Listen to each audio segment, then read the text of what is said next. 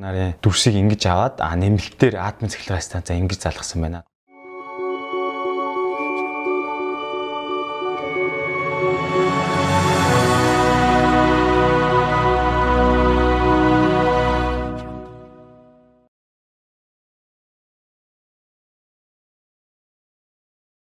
За сайн байцгаана уу? Кион задлан видео контентын 34 дахь дугаарыг хөвлөж байна. Энэ удаагийн дугаараараа HBO үсгэлэн гаргаж байгаа Чернобыль хэмээх 5 ангитай мини сериесийг та бүхэндээ онцолж байна.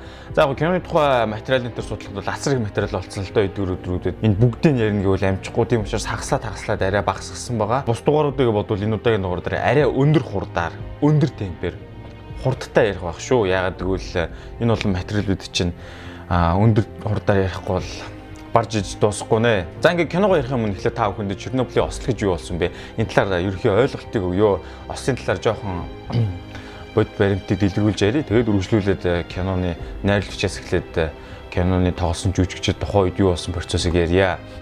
Мөн visual effect, computer graphic-ийн материал бол жоохон ховор болсон. Гэхдээ яаж хийж байгаад а тухайн visual effect-ээр ажилласан студийн арт директорийн материалын одоо хар зурч юм тийм олж авсан тэрийг та бүхэнд өөрчлөлөн дундуур нь ярина.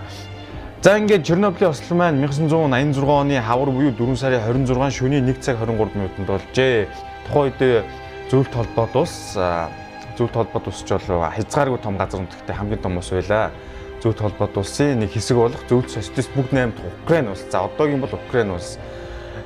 Украин улсын хойд төсөв нутаг дэвсгэр дээр нь орших Чернобылийн атомын цахилгаан станц гарсан цөмийн осол байдаг. За энэ тал нь Энэ осол маань одоо хүн төрөлхтний төвхөнд хамгийн том атомын цахилгаан станцын осол гэж бүртгэгдсэн байдаг. Олон улсын цөмийн үзэгдлийн хэмжээгээр бол энэ 7 дугаар зэрэглэлд багтах цорын ганц осол гэж байгаа. Маш өндөр 7 дугаар зэрэглэл гэж байгаа болохоор атомын цахилгаан станцын эхний блокоо 1977 оны 9 сард ашиглалтанд орсон юм байна. Тэгэд э, энэ маань тухайн үед 1 сая киловатт э, эрчим хүч үйлдвэрлэх чадaltaй байсан. За тэгээд 1 жилийн дараа буюу 1978 онд 2 дугаар блок нь ашиглалтанд ороод 1981 онд 3 дахь блок нь 1983 онд 4 дахь блок нь ашиглалтанд оржээ. За тэгээд Украин улс тухайн үедээ бол нийтдээ 75 тэрбум киловатт эрчим хүч үйлдвэрлэдэг байсан гэж байгаа. За тэгээд үүний 4.5 тэрбумын зөвхөн энэ Чернобылийн атомын цахилгаан станц үйлдвэрлэдэг байсан гэж байгаа. За ингээд 1986 оны тэр тэр нэгэн шүн 4 сарын 26-нд болсон тэрхүү осол маань дэлхийн түвшинд гарсан хамгийн том цөмийн аваар гэж яригддаг. Ингээд дуршил хийж байгаа тэр нь алдаатай болоод дэлбэлт болонгууд нь тухайн үеийн агаарт 190 тонн цацар гэдэг бодис алдагдсан гэж байгаа. 190 тонн яа бурхан юу гэсэн үг юм ч одоо. Ганцхан Украин улс биш ээ. Дагаад Украин улсын хойд хэсэг тэр жиглэл бүгэлдээ Беларусь, Оросын баруун хэсэг тэр жигтэй ийм юм байцсан орцсон. За ингээд атомын цахилгаан станц байгаа хажууд нь Prefect гэдэг хот байгаа. Тэр хотын 40 мянган хүнийг ерөөсөө 3 цагийн дотор маш олон автобус авчирж аваад зөөгөө гаргачихсан. Тэгээд тухайн үеийн хүмүүсийн гэрт нь буцааж авчирна гэж хэлж байгаа л худлаа хэлж байгаа л бүгд аваа гарчихсан. Тэгээд гэрийн нийт тогшил тэжээр бүгдийг нь орхиулсан гэж байгаа. Цахилгаан станцын сүрлийг арилгахын тулд 600-аас 700 мянган хүн гар бие оролцсон гэж өөр хэм эндгээр хүмүүсээс ихэнх нь ертөнцийн хүмүүс өгүүлсэн гэж байгаа. За тэгээд тухайн атомын цахилгаан станцын сүүрлээс хойш 3 өдрийн дараа буюу 1986 оны 4 сарын 30-нд за бараг 4 өдөр юм байна. А Шведийн Формаск гэдэг атомын цахилгаан станцын албан агчид нь маш хүчтэй тийм цацрагийн туяаг бүртгэж авсан байдаг. Тэгээд тухайн үед эднэр бол юу юм ч одоо манай атомын цахилгаан станцаас ийм юм илэрж яаг нөгөө гайхсан чинь үгүй байсан. Тэгээд зүүн зүгээс ирсэн үүлэнд нь а энэ бодисууд мэдрэгцээ үүлднээс ягаад таанаас ийм дамжиж цацрагдах ирсэн бэ гэдгийг хайгаа шалгасан. Тэгээд эцээ эцэст энэ бол зөвлөлт холбоод болсон Чернобылийн атомын цахилгаан станцаас ирсэн тодорхой болсон. Яг гоо тухайн үеийн зөвлөлт холбоод болсон удирдлууд бол энийг олон нийт дэлхийд дахиад нууцлж ирсэн. Ил гаргахгүйгээр тэр нь агаар мандлаар дамжаад агаараар ингээд өөр улсууд очиж мэдгэж байгаа учраас одоо ил зарлахаас өөр аргагүй болчихсон. Ямар ч аргагүй кино маань яг хуу нэлээх маргаантай байдгаа ингээд зарим түгийг говьсан алдаатай энэ төр янз янзаар яригддаг. Аа гэхдээ алдаа нэрийг тоо тоожод байх хэрэггүй дээ. Одоо чинь манай Монголын түүхийн талаар ингээд марка полош гэдэг юм зөвхөн хойлуудын барууныхны кино үлээхэд бол мэдээж хэрэг зөндөл алдаатай тэгэхээр гэр мэрийн барьсан аа ун тооч гэдэг юм уу Монгол ёс заншдаас арай жоохон өөр гэдэг юм тийм жижиг зэсийг алдаа угаасаа байна. Энд ч бол ямар баримтат кино шүү дээ. Уран сайхны кино гэж байгаа учраас уран сайхны найруулгатай кинонд иймэрхүү юм байдаг. Хэрвээ баримтат кино докюментари байсан бол яалч яахгүй. Гүй энэ буруу энэ зөв гэж яригдах хэвээр. Яг илт нэг ганц хоёр мэдээж нэг жижигэн жижиг хаалт нэг нөө тэр сайд нар ингээд Москвоос Pripyat хот руу ингээд нисдэг хэдэн цаг нисээд төрчдөг. Гэхдээ энэ бол яг бодит амьдрал дээр бол нэлийн хоол зайтай хэдэн цагш нисгээргүй а удаан нисгээр тийм газар байсан гэж байгаа. За ингээд Чернобыль цувралын зохиолыг бол Америкийн энедми киноны алдартай зохиолч хүн бичсэн. Ер нь бол иймэрхүү жанрын кино хийхээр биш дандаа энедми киноор дагнадаг байсан хүн гэж байгаа. Тэр хүн бол Craig Mazin гэж хүн байгаа. За энэ хүн бол ямар кино хийжсэн бэ гэхээр өмнө а Senseless Scary Movie за Hangover киногийн 2 болон 3 дугаар ангийн зохиолыг бичсэн. За мөн Superhero Movie киноны зохиолыг нь бичээд өөрөө найруулж исэн юм байна л да. Ер нь бол эдгээр кинонд бол 2000-аад оны үед хийгдсэн кинонууд. За ингээд инедмийн зохиол бичдэг байсан хүмүүс маань гинт маш нухацтайгаар хм хм гэж жагаад ийм түүхэн сүүрлэр ингэж кино зохиол хийсэн байна. Тэгээ яагаад манер ийм юм бичих болсон бэ гэ өөрөөс ингээд нэг сурвалжлагч асуусан байна л да. Манер ингээд нэг удаа ингээд сонь үдээс сууж исэн байл да. Тэгсэн чинь тэн дээр нь Чернобылийн тэр атом цэглэгээ станц дээр халахвч уу одоо а саркопог гэж хэлт юм байл. Тэр мэрэгчтэй хэлэх нь монголоор бол одоо ингээд дээр нь халахвч гэж ярих юм тэрийг нь хааж байгаа тэр хор хөнөөлөл багасгахын тулд. Тэр халахвчийг хамгаалтын шин давхлаг барьж байгаа ажил бол 2010 2007 онд эхлүүлээд тэгээд тухайн 2006 онд нь дуусах төлөвлөгөөтэй ч үл ингээд тим мэд олж харсан юм байл та. Тэгээ яг юм халахвч хийж байгаа тухай хүмүүс бол бүгд мэдж байгаа те. Ингээд Европын маш том Европын холбооны санхүүжилт хийгээд ингээд маш томоохон хэмжээний төсөл хэрэгжүүлж байгаа. Тэгснэ яагаад тэр дэлбэрэлт болсон юм бэ гэдгийг хэн болов мэддгүү тэр бодит үгийг хүмүүс мэддгүү байна л да. Тэгээд энэ талыг энэ талаар хүмүүст мэдүүлье гэдээ яг маш их материал зөвлөлөө сонирхож судлаад ах кино зохиол бичих гэсэн юм билэ. Ер нь бол өдөр тутмын сонин эргүүлжээд гашгилж явах та энийг кино болгох санаа төрсөн гэж байгаа. А HBO дээр хүчээд өө бид нар кино юмэр байна юм юм санаа байна та нар зөвшөөрж өгсөн чи HBO-ийн ерөөсөө тэр дөрөнд окей it's okay та нар ингээ хий бид нар зөвшөөрж байна гэх. Тэгээд ингээ кино бүтэх шатанда орсон байна. Ингээ киноны зохиолч Craig Mazin BBC-д нэг бас нэг ярилцлага өгсөн байдаг тэрийг ингээд юм юм ухаж чад олж үзлээ л дээ. Атом цэглэгээ станцын яг тухайн үед ажиллаж байсан гурван ажилтны эр зургийг үнэхээр биширсэн гэж байгаа юм л да. А тэр гурван ажилтан болохоор тийм шатаж уу тэр амар том дэлбэрт болсон реакторын яг доогуур нь газар доогуур нь хонглоор ингэж яваад тэр хонглол нь битүү хорт боцоор дүүрсэн байж байгаа гэж байгаа. Сайн дураараа орж өөртөө явж байгаад тэр ослоос дахин илүү том ослол болох. Эрсдлийг тасалсан зогсоосон. Энэ тухай үйл явд нь үнэхээр юм баатарлаг байсан гэж э, киноны зохиолч маань ярьжсэн. За э, кинон дээрээ бол та бүхэн энийг 2 дугаар ангийн сүүл болон 3 дугаар ангийн ихэнх хэсгээс бол энийг үзнэ.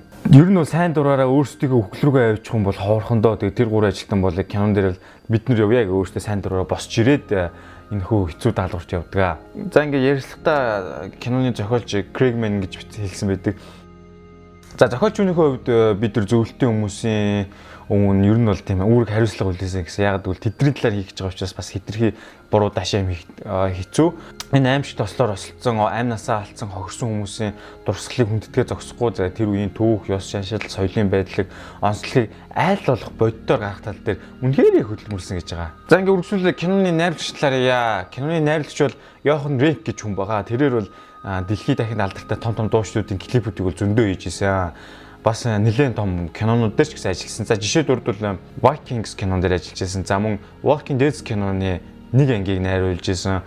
Өөр чин Breaking Bad киноны 3 ангийг бүтээгээд за яг бүтэн найруулагч гэсэн а нэлээ их хэмжээгээр гар бие оролцсон юм лээ. А найрлагч ярьж байгаа бол материал цуглуулахад их цаг орсон гэж байгаа. За 10 гаруй баримтат кино, сонин сэтгүүлийн нийтлэлүүд, амьд гэрчүүдийн яриа, Белорусын алдартай эмэгтэй зохиолч Нобелийн шагналтан Светлана Алексеевич гэж хүний Чернобылская молитва гэдэг тийм роман байт юм байна л. Тэр романыг бүтэн уншиж энэ нэг тос осон гэж ярьжсэн. Чернобылийн ослыг давж орсон хэдэн зуун хүний дурдтгал тийм хувь тавилан өдрийн тэмдэглэгч тийм үү те эднийг уншиж судлаад тэр дээр суурилж киноны зохиол гарсан. Профессор Валери Легесуийн кассетны хвшлэгээс их сурвалж болгон ашигласан гэж байгаа. Тэр яахсан хэр нэг кино хамгийн эхлээд гардаг шүү тий. Кассетэн дээр босон бүх үйл явдлыг өөрөө хураагаад тэгээд хоолоогоо боогоод амиа орчдөг. Тэр материал үнэхээр их тус болсон гэж хэлж байлээ. Кинонгүй гарсны дараа Оросууд их муулсан гэж Оросын төрийн сувгууд ч юм уу төрийн хариалтай сонь сэтгүүлүүд. За энэ ингээд манай түүхийг нэлээд говь хийсэн байна. Энэ Америкийн империализм, Америкийн засгийн газрын бодлого ороод а киноны агуулгыг гуйлж мушгиж бид нэр Оросууд өөрсдөө буруутай юм шиг харагдуулсан байна. Яг үндэ бол тухайн үед нь бол ингээд те Америкийн технологи гэсэн оролцсон тэр янз янзаар бичиж байгаа. За тэгээ Оросууд нэг талаас нь болж байгаа. За тэгээ болоогүй тэгсэн чинь яг Америкчууд Нью-Йорк Таймс ч юм тэд нар нас дахиад шүүмжлээд унцаа. За энэ Чернобылийн кино бол ер нь бол зөвлөлт холбоот улсын суртлах хулаг үзэл сурталчилг харагдаж байна. Ер нь хүндрэлтний хамгийн том аимшигтай ослыг бол зүгээр нэг сайхан сүүлийн тухай кино болгоо хувиргацаа ингээд уран сайхны кино үгээсээ илүү зүгээр баримтат уран сайхны докюментари кино юусэн дээр ухаа хэмтээр ингээд Америкийн талаас нь шүүмжлэл эхэлж байгаа. За тэгээд эндээс анзааруул ингээд кино уран бүтээлчд хоёр талаас Оросоос ч Америкаас ингээд янз бүрийн шүүмжлэлтэй тулгардаг. Гэхдээ энэ шүүмжлэлээс гадна хамгийн их сайхан магтаал хүртээс хүмүүс бол үзэгчд үзэгчд бол эерэг үнэлгээ өгсөн кино шүүмжлэгч гэсэн маш өндөр үнэлгээ өгсөн байгаа. За ингээд Орос өдөр дундаа зөвлөлт засгийн тухай хийсэн кинонуудыг бол баруунууд бол нэг тэр болон хийгээд байдгүй.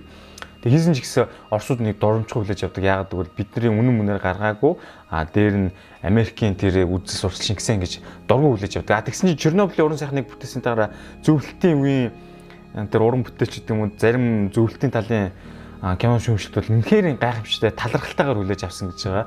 Яасан гэхээр энэ бол шинжлэх ухааны нэлээд бодиттой баримттай байсан судалгаа сайтай гэж хүмүүс үзчихсэн. Тухайн үеийн үед бол ингээд улс төрийн зөвлөлт засгийн нэлээд дуу хяналтаар байсан болохоор гол гол мэдээлүүд нь гадагшаа гардаг байсан. За тэрийг үнэн мөннөөр нь нут дарагдсан материалуудыг нэлээд сайн хөндөж гаргасан гэж Оросын талын хүмүүс үзсэн гэж байгаа шүү. Тэгэхээр энэ бол нэлээд эриг сайхан дүнэлтэй. За ингээд уг цуврал киног бүтээхэд киноны ерөнхий зөвлөлөөр ажилласан Люк Холл гэж эрхмийн бас нэг зарим яриануудээс нь тэрний яасан гэхээр зөвлөлтийн аж амьдрал хувцас машинуудыг яг тэр үеиг шиг адилхан байхаараа хуулбарлахыг хичээсэн.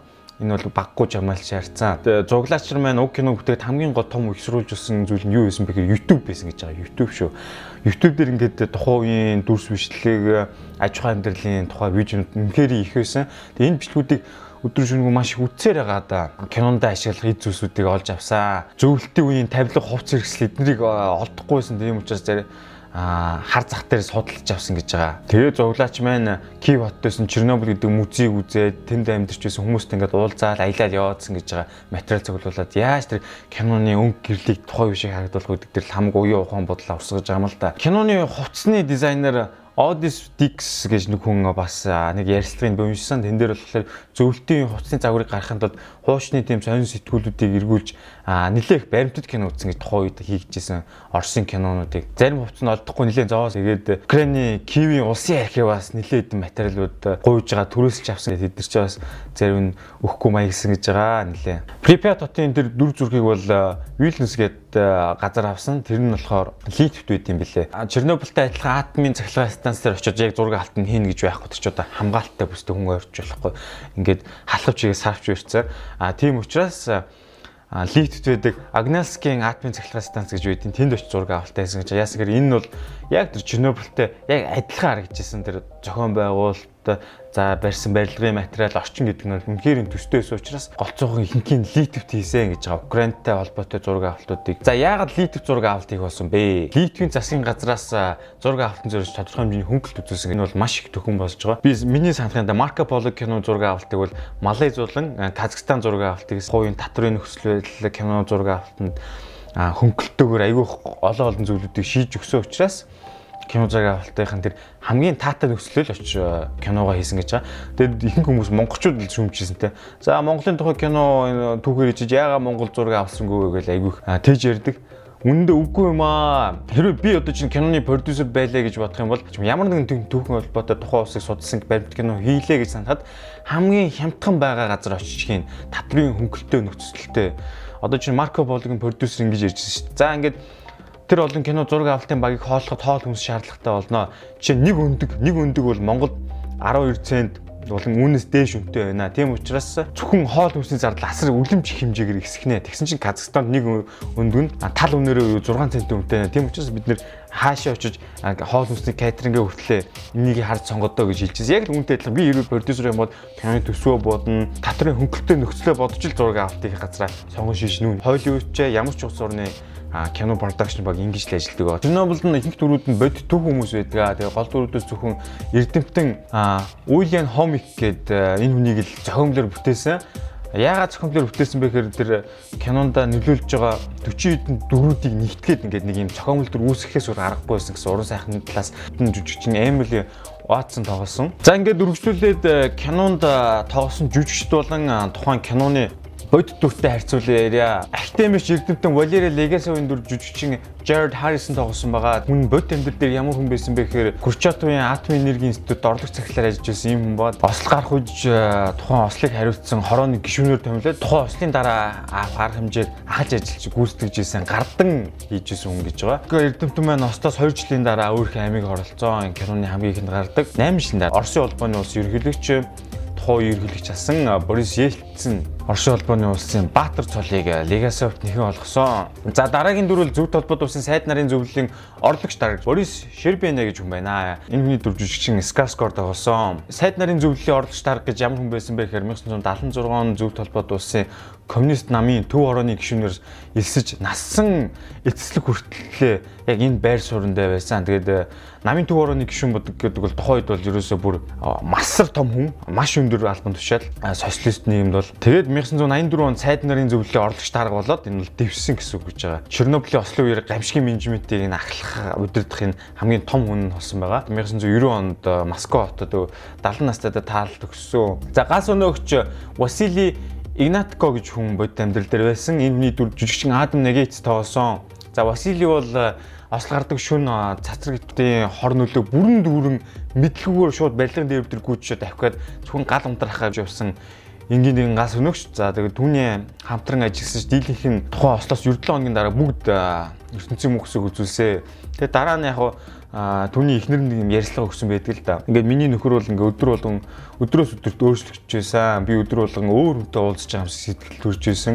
Би энэ царайн бүх юм цэнхэр улаан бор саарл өнгөтэй болж хувираад дөнгөж ингээд толгоо хөдлөлт хөдлөл шүүд үснэ ингээд хохорч унаад исэн гэсэн. Тухайн үед нь совилгч тэгээд газ өнөөгч ихнэрт нь хандж шилсэн байдаг л да. Танаа нөхөр ингээд 1600 рентген хэмжээний цацрагт орцсон. Рентген гэдэг нь рентген туяа юм байна л да. Рентгений зураг авахулна гэдэг эмдэгт очсон шүү дээ. Тэрний баг гээд нэг удаа зураг авахад нэг удаагийн рентген туяагаар хорцсон гэж ярьдаг. Тэгсэн чинь бүр 1600 дахин хүчтэй ийм туяанд хорцсон байх шүү дээ.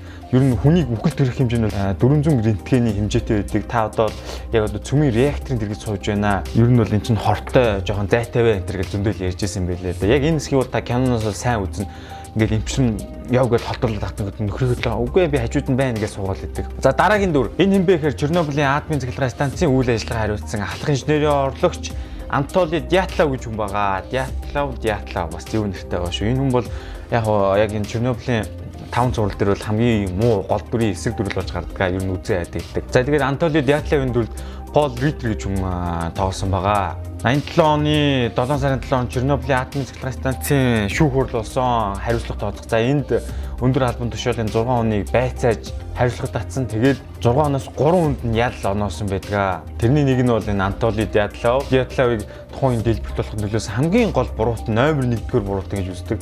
Учир нь тэр хүн атомын станцыг дэлбэрэх боломжгүй гэж үздэг. Дээд түвшний удирдлагуудаа Okay. За энэ бол зүгээрээ ямар нэг асуудал байхгүй. Манай станц бол сайн станц ингэж дэлбэрэлт болоог энэ бол нэг жижиг асуудлаа гэдэг ч юм уу. Тийм байдлаар аюу их буруу мэдээлэл өгсөн. Тэгээд тухайн үед нь буруу мэдээлэл одоо шуурхай арга хэмжээ авч чадаагүй гэдэг үүднээс а ял оноосоо Чернобыль чухам юу болсон бэ гэдэг өөрийнхөө дурсамж номыг өөрийнхөө хэлбэрээр бичиж хэвлүүлсэн юм билээ. Тэгээд 1995 онд маань нэр зүрхний өвчтөр нас барсан. Яг бод дүрсүүдийн тав хүн дэлгэснээс харж байна. Ийм л үгэн байж тээ хөө. За дараагийн дүр дүр бол Чернобылийн атомын цэглэгээ станцын захирал Виктор Бриханов гэж хүн байна. Энэ хүний дүрд жүжигчин Кон Онил тоглосон. Бриханов бол тухайн үеийн ослын нөхцөл байдал цацар идэх хэмжээний тархалтыг үнэхээр дутуу үнэлсэн. Тэгэд энэ дутуу баг үнснээс болоод хэцүү байдалд очисон гэж ярьдсан билээ. За дараагийн дүр зөвлөлт холбоот улсын коммунист намын ерөнхий нарийн бичгийн дарга Михаил Горбачев. Энэ хүний дүрд бол Дэвид Денск гэж хүн тоглосон байгаа. Тухайн зөвлөлт холбоот улсын намын ерөнхий нарийн бичгийн дарга гэдэг бол хязгааргүй их мэдлэгтэй асар том хамгийн том өндөр албан тушаалын дарга байсан гэж яригдж байгаа. За сүүлд нь зөвлөлт холбоот улсын ерөнхийлөгчөөр сонгогдсон 1990 оны 3 сард ерөнхийлөгч болсон гэсэн үг. Горбачев ерөнхийлөгч бол өөрсдийн шинжилт байгуулалтыг дэмжиж зөвлөлт холбоот ус задраад 15 улс болон жижиг улс туваагдаад Оросын их холбооны улс болж бий болсон. Энд бол чухал үүрэг гүйцэтгэсэн хүн гэж яригддаг. Горбачевыг бол монголчууд сайн мэднэ. Яг Минктэй дарга толгой дээр Минктэй та хүн дүрснээс харж Минктэй даргаараа бол монголчуудын сэтгэл хоногч үстсэн хамгийн том дарга байдаг. Тэгээ Горбачев аимшигын тухай шууд мэдгдэл юусоо гаргаагүй ерөөд айлах барьж удаасан. Тэгээ дэлхийд даяар бол энэ шүүмжлэгч байгаа гол асуудал нь ослог гарснаас бүгэлдэн 2-7 хоног буюу 18 хоногийн дараа гүрэж гүрэж байгаа за за эцэст нь бус тосоод мэдсэн юм чи одоо залтгаас ор арахгүйгээд дэлхийд дахин Чернобылийн тухай юу болсон бэ гэдгийг аль биесээр мэдэгдлээсэн. За дараагийн киноны дүр бол Людмила Игнетка гэж дөрөвга энэ бол гал сөнөөгчийн ихнэр. Энэ хүний дүр жүжигчин Джесси Бакли тоглосон байгаа. За тэгээд Людмила бол ослын үеэр ажиллаж байгаад хорцсон нөхрөөгөө асар их өвчин шанал дунд нь зовж тарчилж байхад нь өөрийн нүдээр хажууд нь асарч тойлж а нэг ч хором хажуунаас нь холдолгүй байж байгаа тухай кинонд гардаг. Людмила бол тухай үед жирэмсэн байсан. Эмч нарын хэлхийг үг тоогоод нэг нөхрийнхээ хажууд цацраг төхөөд сордооч гэсэн хамаагүй нөхрийгөө асарсан. Харамсалтай нь түүний хүүхд ерөөсө төрөөд удаагүй дөрвөн цаг болоод нас нөхцөн яг кинонд гарч байгаагаар бол ээж нь цацраг өтөхөд бодит хордож байгаа шээ. Тэр бүх хорыг нь хүүхэд нь аваад өөртөө шингээгээ төрчихсөн бид. Тэгээд талаар бол энэ бол ээжигээ аварсан гэж яригдт юм билээ. Тэгээд Людмила бол одоо хүртэл Украинд амьдарч байгаа гэсэн мэдээлэл үүд юм билээ. Үүнээс дэлгэрэнгүй мэдээлэл бол алгаа. Мөн кинон дээр бас нэг гардаг дүрүүд бол Bioroft гэж байгаа. Bioroft гэдэг нь тухайн ослын бал чулуунуудыг доош унгаж булах гад янз бүрийн робот хэрэгэлдэг гэсэндээ тэр роботууд нь дийлэхгүй ажиллаж чадахгүй бүгд эвдэрчдэг та хүн дөрснөөс харж байна. Тэгээд яалч яахгүй арга ядаад биоробот хүмүүсийг ашигладаг. Энэ ослын тэр балчуудын түүхэнд энгийн иргэд болоод цэргийн албаа агчийг нэлээ ихээр дайчилсан. Аа Чернобыль киноны visual effect-ийг Лондонд байрлалтай DNEG гэсэн институт хийсэн байгаа. Энэ институт бол 1998 онд анх үүсгэн байгуулагдсан. Аа бидний мэдих нэлээд сайн томоохон кинонд visual effect-ийг хариуцсан ажиллаж байсан. За жишээнд дуртай бол First Man, Venom, Mission Impossible, Avengers Infinity War дээр хүртэл оролцсон байгаа. Нэлээд томоохон Hollywood-ийн кинонууд дээр visual effect-ээр ажилт юм билээ. Телевизэн сурдасгүй Westworld дээр бас нэлээд идэв ажлыг хийж гүйцэтгсэн юм билээ. Тэгэхээр энэ бол HBO ихтэй нэлээд урт хугацаанд хамтран ажилладаг студ гэсэн. Аа уг студ маань Лондон төвтэй гэж би түрүү ярьсан. Үүнээс гадна Канадын Ванкувер, Энтхийн Мумбай, Америкийн Лос Анжелес тийм нэлээд хэдэн газар юм салбар студиудтэй тэгээ нэгүүрээ дамжуулж том том ажлуудыг хийдэг байна. За энэ студийн яг энэ Чернобыль киноны visual effect хайцсан гэсэн Max Denison гэдэг хүний ярилцлагыг бол би уншсан. Үүн дээр бол 846 ширхэг энэ effects shot-уудыг оруулсан байгаа. Цааш нөгөө visual effect effects гэж товчлоод ярьчээ.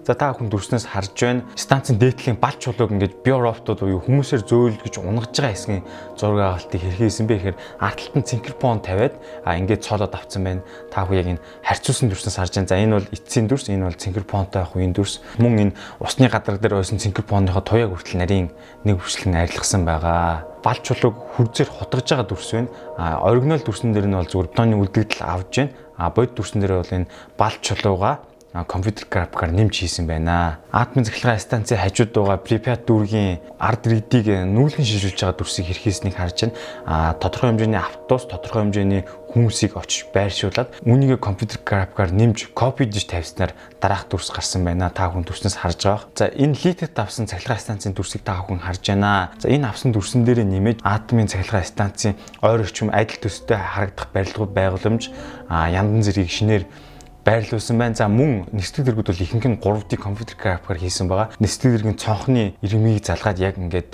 дэргийн дотроос харагдж байгаа юм шиг сэтгэл төрхөөр ийм хөвлөж анилж хийжээ. Сайд нарын зөвлөлийн орлогч дарга Шербина а Эрдэмтэн Legacy нарын дүрсийг ингэж аваад а нэмэлтээр атомын цахилгаан станцаа ингэж залгасан байна. Дөнгөж дэлбэрэл болсны дараа гал унтрагч нар очоод хэргийн газар дээр ажиллаж байгаа кино зураг авалтыг инхүү үежээ тодорхой хэмжээний павильон барилгын нурангуудыг ингэж цохимлоор хийж байраад а дээр нь Чернобылийн атом цэглэгээ станцынхаа барилгыг 3D-гээр орлуулж эвлүүлж хийсэн байг та бүхэн зугнаас харж байна. За энэ гал гарч байгаа дамаа тавьсан энэ орчныг дээрээс нь каранаар гэрэлтүүлэг тавьж гаргажээ. Москва хот болж байгаа зарим дүрсүүдийг Украинд авсан байгаа. Энэ жишээ нь хотын дүрсэл Украиний нэгэн хот гэж байгаа. За та бүхэн дүрснээс ажиллах юм бол энэ дээгүүр нь явж байгаа гэрлэн чимэглэл болон маш их хэмжээний цахилгааны хотцуудыг нэг бүрчлэн арилгасан байгааг та бүхэн анзаарж байгаа. Энэ бол маш их чинклээр ажил. За Photoshop дээр хийжсэн бол аюулгүй амархан зүгээр нэг хүчлэн арилгах чинь. Энэ видеоны хувьд үл энэ бол нүсэр ажил болдгоо. Талгаа станцын дээвэр дээр байгаа байдлыг нам дур газар зүгээр ингээд орлуулад авцсан байна. Синхропон тавиад та бүхэн харж байгаа. За иймэрхүү visual effect-үүдийг DNEG студ маань гар бие дайшлан оролцож хийжээ. За ингээ өсвөлөө та бүхэндээ атомын цахилгаан станц хэрхэн ажилтгийг тайлбарлахыг хичээж оролдё. Оросын цөмийн цахилгаан систем хүч үйлдвэрлэх технологи нь бол яг Samur шиг технологи шийдэлтэй ажилтгаа А самаур гэж юу гэхээр одоо та хүн санаж байгаа бол энэ зургийг гаргацсан бай. Дотроо юм гуурсан хоолойтой бидний дээр эмээ өдрөө очиж гэрт нь очиход ширээн дээр нь байдаг гэсэн юм. Монголоор бол данхрахгүй юм гэсэн үг. Самаур гэдэг маань дотор нь тагийг аваад нэгэд үсгэн бол дотор нь юм нарийнхан гуурсан хоолой явж байгаа. Тэр хоолойг нь мод цог түлш нүүрс юу гэдэг юм гэж галлангууд нь доторх эргэн тойрны ус нь халаад тэгээ энэ карантаараа цайгаа яж уудаг. А ийм зүйл байгаа. Та хүн санджээвэл ер нь хуучны айлууд ихэнхдээ байдаг. Дээр үед бол манай эмээгэнд бол байдаг гэсэн бид нар зүгээр тэрийн дотор тоглохоос чаашгүй байдаг гэсэн. За ягаад энтэй адилхан бэ гэхээр Оросын эрчим хүчний ихэнх энэ атом цахилгаан станц маань яг ийм хэлбэртэй тоогоотой байдаг. Чернобылийн атом цахилгаан станц дотор ийм тоогоо байсан байгаа. За та бүхэн яг зугнаас харж байна да. Тэгээ энэ тоогоон дотор нь 1683 ширхгийн босоо гуурс ингээ хийцэн байгаа. Ийм олон ширхтэй гуурс а түрүү самаур ирсэн шүү дээ. Энийх нь гадуур дахиад нэг юм тоо байгаа шүү. Энэ зайд нь ус байгаа. Ус буцдаг. А хэрвээ яг Чернобылийн атомын цэглэх станцаар энэ усны оронд нь тойруулаад балч чулуу хийсэн байгаа. За та бүхэн кинон дээрээс харж байсан бах а айгүйх балч чулуу ингээд дэлбэрэлтэн төртөөд газрын гадар дээр энэ эндгүү дээвэр дээр ингээд балч чулууны өрцөн ирмэг маш их хэмжээгээр байна гэд энэ репорт мэдээллийн Legacy нөгөө профессор Кремлийн ордон дотор байхдаа үзэнгүүтэй өө чи юу болж байна? Энэ үнэхээр цөмөр реактор доторх нь ил гараад дэлбэрсэн байна. Энэ бол энгийн зүйл биш аюултай зүйл байна гэдэг нөгөө сайд нарын зөвлөлийн хурал дээр ингээд ширээ зөхиод хүмүүсийг суулгаад илүү тайлбарлаж ярьдэн шүү дээ яг тэрнтэй адилхан процесс болж байгаа.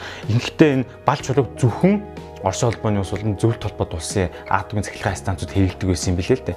А өөр улсууд ч юм уу стандарт атомын цахилгаан станцууд л өөр технологитой арай жоохон өөр үүдэг гэж Кем дээр дурддагддаг. За тэгээд үргэлжлүүлээд ярин доорой дотор нь юм жижигхэн тоогоо энэ дотор нь ингээд тоог нь устайгаа усан дотор нь юм гуурс хийсэн байгаа. За энэ гуурсан дотор нь нэг энэ тэр 1683 гуурснаас нэг гуурсыг суглаад авъя л да. Энэ гуурсан дотор нь хурууны чинээтэй хэлбэртэй ийм дахиад жижиг ийм гуурсан дотор ингээд чивжээтэй байгаа. Энэ гуурсан дотор за тэгдэд дотор дахиад хумсны чинээтэй бортог байгаа. Тэр бортон дотор ураны диоксид байжуулсан ураниум U235 гэсэн тэр атом байгаад байгаа байхгүй энэ хумсны чинээтэй бортог дотор энэ бортох чинь халангуудаа тэр усыг халаагаад ус нь халахаараа уур гаргаад уур нь ингэж явангуудаа а тэр генератор гэж байгаа шүү дээ эргүүлдэг мотор гэсэн үг. Тэр генераторыг уур нь хүчтэй уураараа сэнсийн үлээлгэж эргүүлэнгүүт эндээс тог гарч ингэж эрчим хүч гаж ажилдаг бахнэ. Энэ жижигхэн хумсан чинэтэй адилхан энэ бортго маань боддоор бол хагас тонн хэмжээний нүүрс шатаасантай тэнцэх хэмжээний тийм дулаан ялгаруулдаг гэж байгаа. Тийм учраас том гүрнүүд маань энэ уран, энэ атом цэглэх станцын араас бүхэлдэн хатан гүйлдэд идэх чинь ийм өчтэй яхна ийм өчүүн жижиг юмнаас асар хэмжээний том энерги гаргадаг байна гэсэн үг. За тэгээд түрүү ярьсан энэ цөмийн жижигхэн энэ хумсны чинний хэмжээтэй бортох дотор ураниум 235 гэсэн изотомын изотомын атомын гинжин урал явагдаж байгаа гэсэн үг. А юу гэж нэхээр одоо той томшгүй атом нейтроны хоорондын дайн нээжин болж байгаа гэсэн. Олон хэсэг бол задарсан тэн дээр нь дахин дахин жижиг хэсгүүдээр дахиж очиж мөргөлдөд энэ тасалтгүй урвал үүсэж байгаа. Энэ урвал маань маш хэмжээний дулаан ялгараад Аа тэгээд энэ бортгон маань асар хэмжээний энерги гаргаж тэр усаа халааж байгаа гэсэн үг. Энэ тоон дотор байгаа ус чинь халахаараа энэ турбина энэ гарч байгаа энэ турбинаар нь халуун уур хүчтэй уур яваад генератор эргүүлдэг гэсэн үг. Нэгэсэндээ Оросын цөмийн энергийн технологи ерөөдөө бүгд ийм зарчимтай явагддаг гэсэн. За ингээд э, атомын цахилгаан станц хэрхэн ажилладаг талаар багч гэсэн ойлголттой болсон баха. За өвчлүүлээд э, яг ингээд кинорго дахин эргэ орё. Тэгээ яг киноноос та бүхэн анзаарч явах дээр үеийн тэр тогны ишчоо шиг халуун сав, ширээн дээрх зүйлс, цаг гэдэг ч юм уу, радио ч гэдэг юм уу яг нэг бид нар багада эмээ өвгөндөө ч юм уу хуучны альбом контор байгууллагууд харагддаг эд зүйлсүүд бол яг та бүхэнд харагданаа. За жишээ нь Любива гэдэг Орос бичгийн машин харагдажсэн. За мөн Skip 300 чөлөө нэг тийм нэртэй кассетны хөгжим байдаг дээ. Магнитофон дээр надад тэр харагдаж байгаа. Зөндөө зүйл бидний багадаа үзэж өссөн Оросын орт телевизээс харж ирсэн бүхэн маань яг л иргэн дурсахад маш гой санагдахаар тийм зүйлсүүд харагданаа. За ингээд кинон дээр Оросын яравнаач Константин Симоновын шүлэг радиогоор явж байгаа нь айгүй гоё яг орос хэлээр нь гаргадаг. Энэ нь болохоор нэг кино үзэж байгаа орос хэлтэй хүмүүст бол үнхээр гоё таалагдсан гэж ярьж байсан.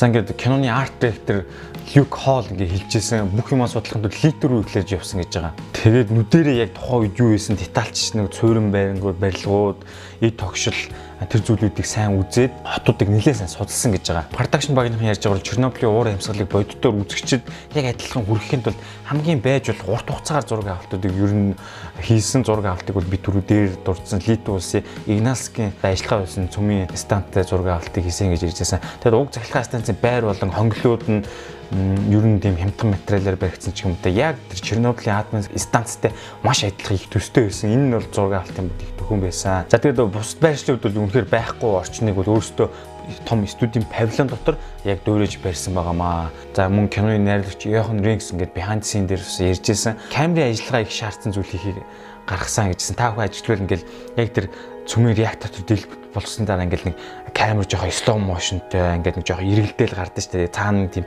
сонь төгшүүртэй. Энэ бол ингээд зураглаач, эвлүүлэлэг, найрлагчны ажил үнэхээр сайн гарч ирсэн байгаа. Та бүхэн ажиглах юм бол ерөнхийдөө тийм аимшиг кино үзэж байгаа юм шиг сэтгэл төр нэг тийм хүн дарк ард нэм дэвсгэр хөгжмөр араар нь ингээл нэг дүрсээ хөөж яваал те.